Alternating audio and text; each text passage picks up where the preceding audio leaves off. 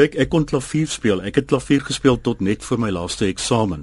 So ek is maar nog altyd 'n gefrustreerde musikant dink ek, behalwe gefrustreerde baie ander dinge, soos so nou, redigeerder en so aan. So nou het jy die musiek en die film bymekaar gebring. En die gebring. film en die film bymekaar en ek is uiteindelik deel daarvan. Wat gebeur is ek sit op die verhoog, dan het ons uh, vier musikante. Ons het vir Anayde Tooi op die viool, uh, Paul Ferreira op die klavier, Zarlina Ross op die akkordeon en Dries Noude op die uh, bas. En ek gee dan agtergrond oor van die bekendste rolprent temas wat daar is. Kom ek noem vir jou voorbeeld en een van hulle is Fiddler on the Roof. Nou ek het hierdie navorsing nou moes doen en ek self het nie baie van hierdie kennis gehad nie. En nou kan ek daarom ten minste vir mense vertel wat lê agter hierdie musiek. Kom ek uh, gebruik liewer want nou nou gee ek my teks weg. Ek gebruik liewer The Sound of Music.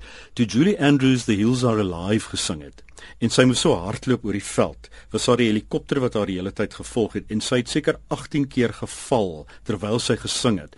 Net as sy die hoë noot slaan, dan val sy. Jy weet sy ek gee daai soort van inligting en sê ek nou kan jy luister na The Sound of Music, maar weet jy wat agter hierdie musiek lê? So vat ek meeste van die bekende temas soos Schindler's List, net om te vertel hoekom Spielberg die rolprent gemaak het, waar daai pragtige musiek vandaan kom. En ek gee agtergrond daarvan of kom ons sê maar ouer rolprente soos die Lambeth Walk at Me and My Gal. Wat is die Lambeth Walk? Waar kom dit vandaan? En dan Ladies in Lavender, daai pragtige rolprent met Judy Dench uh, in in in die hoofrol. En wat agter daardie musiek lê.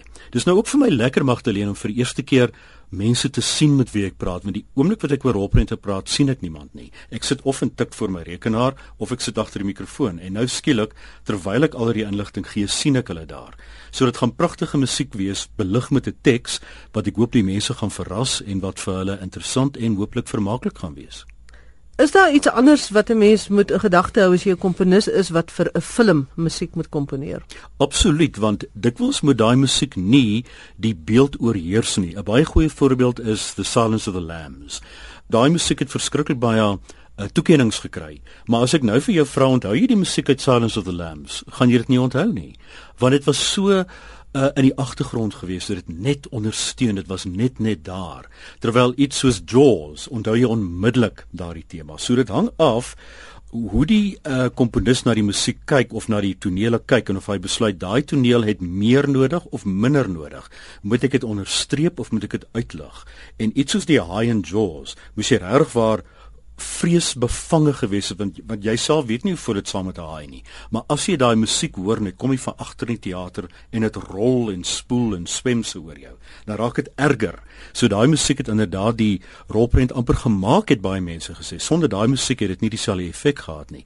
Maar iets soos Moon River uit Breakfast at Tiffany's uit byvoorbeeld 'n interessante feit waarop ek afgekom het is dat een van die vervaardigers het na Moon River geluister net nadat dit geskryf is en toe sê hy dis 'n swak liedjie dit moet uitgehaal word dit mag nie gebruik word nie en Audrey Hepburn het gesê oor my en jou dooie liggaam sal daai musiek uitgehaal word En dis die soort van inligting wat ek gee in die teks. En vandag is dit 'n treffer wat selfs vandag, ek wat baie ja. jonk is ken. dis een van die vyf grootste rolprent temas van alle tye, maar dit wys vir jou Magdalene partykeer dat die bestuur, die vervaardigers weet te min van wat aangaan in die rolprent wêreld, jy verstaan? So mense het soms akteurs nodig om vir jou op die regte pad te help.